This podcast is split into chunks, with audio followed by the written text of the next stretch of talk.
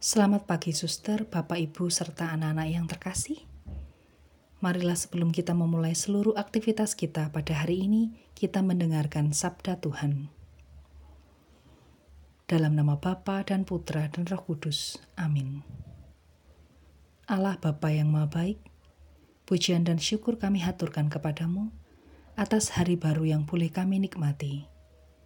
Setelah ini, kami akan mendengarkan firman-Mu Bersabdalah ya Tuhan, hambamu siap untuk mendengarkannya. Inilah Injil Yesus Kristus menurut Matius.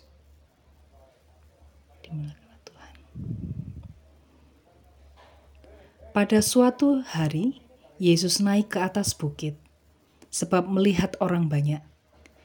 Setelah ia duduk, datanglah murid-muridnya kepadanya. Lalu Yesus mulai berbicara dan menyampaikan ajaran ini kepada mereka. Berbahagialah orang yang miskin di hadapan Allah, karena mereka yang empunya kerajaan surga. Berbahagialah orang yang berduka cita, karena mereka akan dihibur. Berbahagialah orang yang lemah lembut, karena mereka akan memiliki bumi. Berbahagialah orang yang lapar dan haus akan kebenaran, karena mereka akan dipuaskan. Berbahagialah orang yang murah hati, karena mereka akan beroleh kemurahan. Berbahagialah orang yang suci hatinya, karena mereka akan melihat Allah.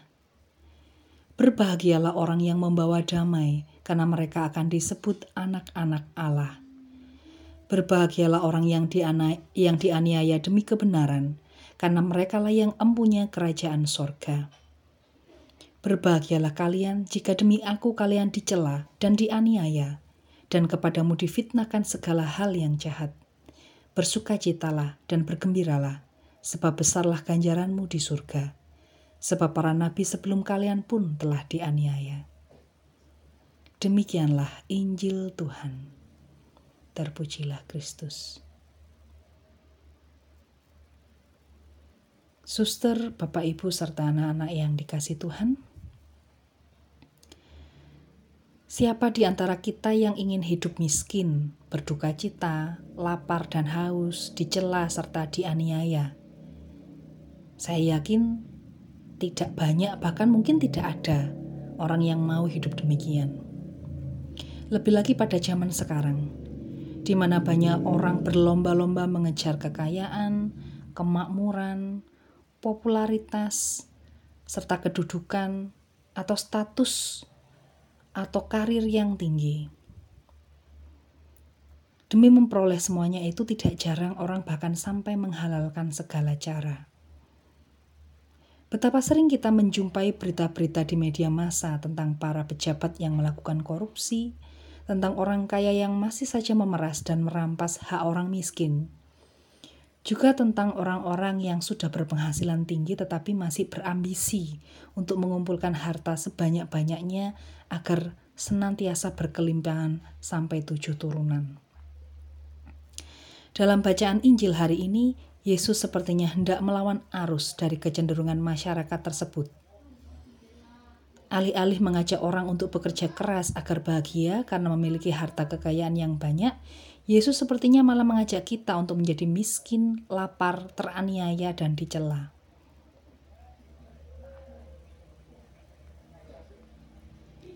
Kebahagiaan tidak terletak pada materi duniawi, tetapi terletak dalam semangat untuk melakukan pelayanan, seperti yang ditunjukkan Yesus dalam seluruh hidupnya. Semoga kita tidak mendasarkan tujuan dan kebahagiaan hidup kita pada hal-hal duniawi, tetapi senantiasa menjadikan firman Tuhan sebagai dasar hidup dan kebahagiaan kita. Amin. Marilah kita berdoa. Allah Bapa yang Maha Baik, terima kasih atas sabda firman-Mu yang telah kami dengarkan pada hari ini. Semoga membawa kesegaran bagi jiwa dan raga kami. Tuhan, Kiranya Engkau memberkati setiap kegiatan kami pada hari ini. Engkau memberikan kami kesehatan yang baik.